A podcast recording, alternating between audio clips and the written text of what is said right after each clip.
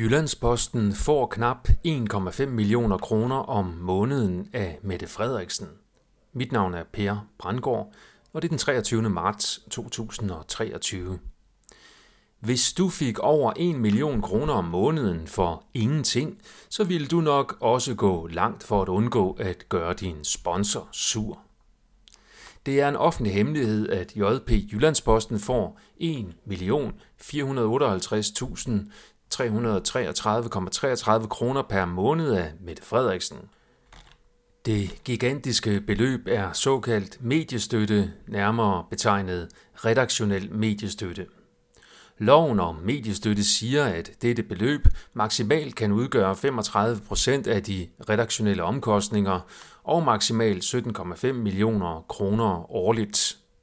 Det er så de 17,5 millioner, der giver knap 1,5 millioner kroner månedligt.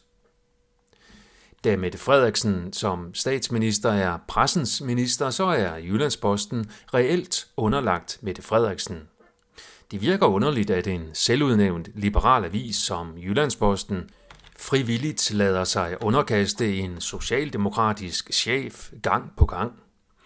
Det viser måske bare, at når valget står mellem idealer og penge, så vinder pengene i den danske mediebranche.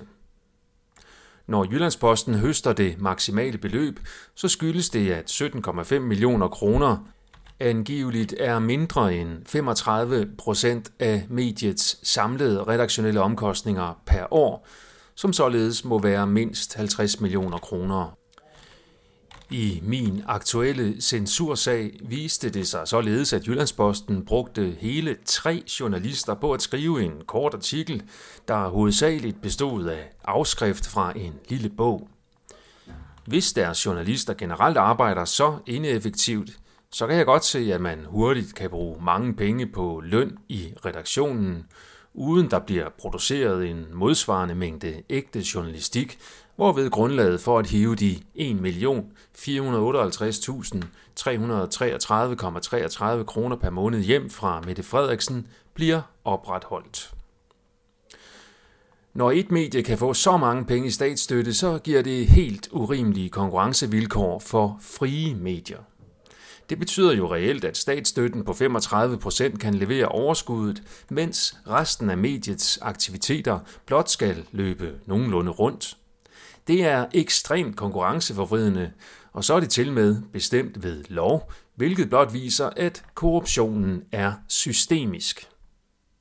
Det største problem ved finansieringen af nyhedsmedierne i den danske hovedstrøm er, at det har fjernet den magtkritiske journalistik, der udfordrer narrativerne i den dybe politik.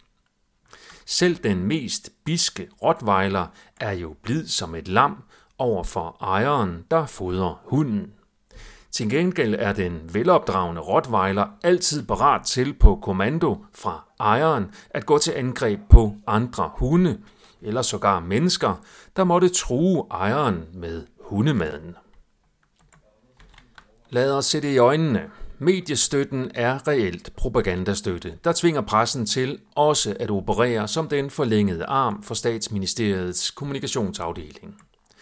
Det omfatter så muligvis også et krav om, at visse personer bare slet ikke må nævnes i nogen som helst form for positiv kontekst. Det er ligesom en rockerklub, hvor man også kan komme i bad standing og dermed blive udstødt af det fine kriminelle selskab. Nogle former for systemkritik er så farlige for det herskende magtsystem, at det ikke nok med, at kritikken absolut ikke må blive bragt i hovedstrømsmedierne, Personer, der har våget sig til at ytre den form for kritik, må slet ikke nævnes positivt i nogen som helst sammenhæng af frygt for, at det kan legitimere deres kritik og få folk til at google deres navne. Løsningen på kort sigt er, at læsere, lyttere og seere, der ønsker magtkritisk journalistik, dropper de statsstøttede medier og i stedet køber abonnementer til frie medier og individuelle journalister. I denne digitale tidsalder er det faktisk ikke så dyrt at etablere et medie og begynde at udgive både tekst, lyd, billeder og video. På lidt længere sigt bør mediestøtten selvfølgelig helt afskaffes, ligesom DR bør lukkes, da det mediehus alene modtager knap 4 milliarder kroner om året i propaganda, distraktions- og fordummelsesstøtte.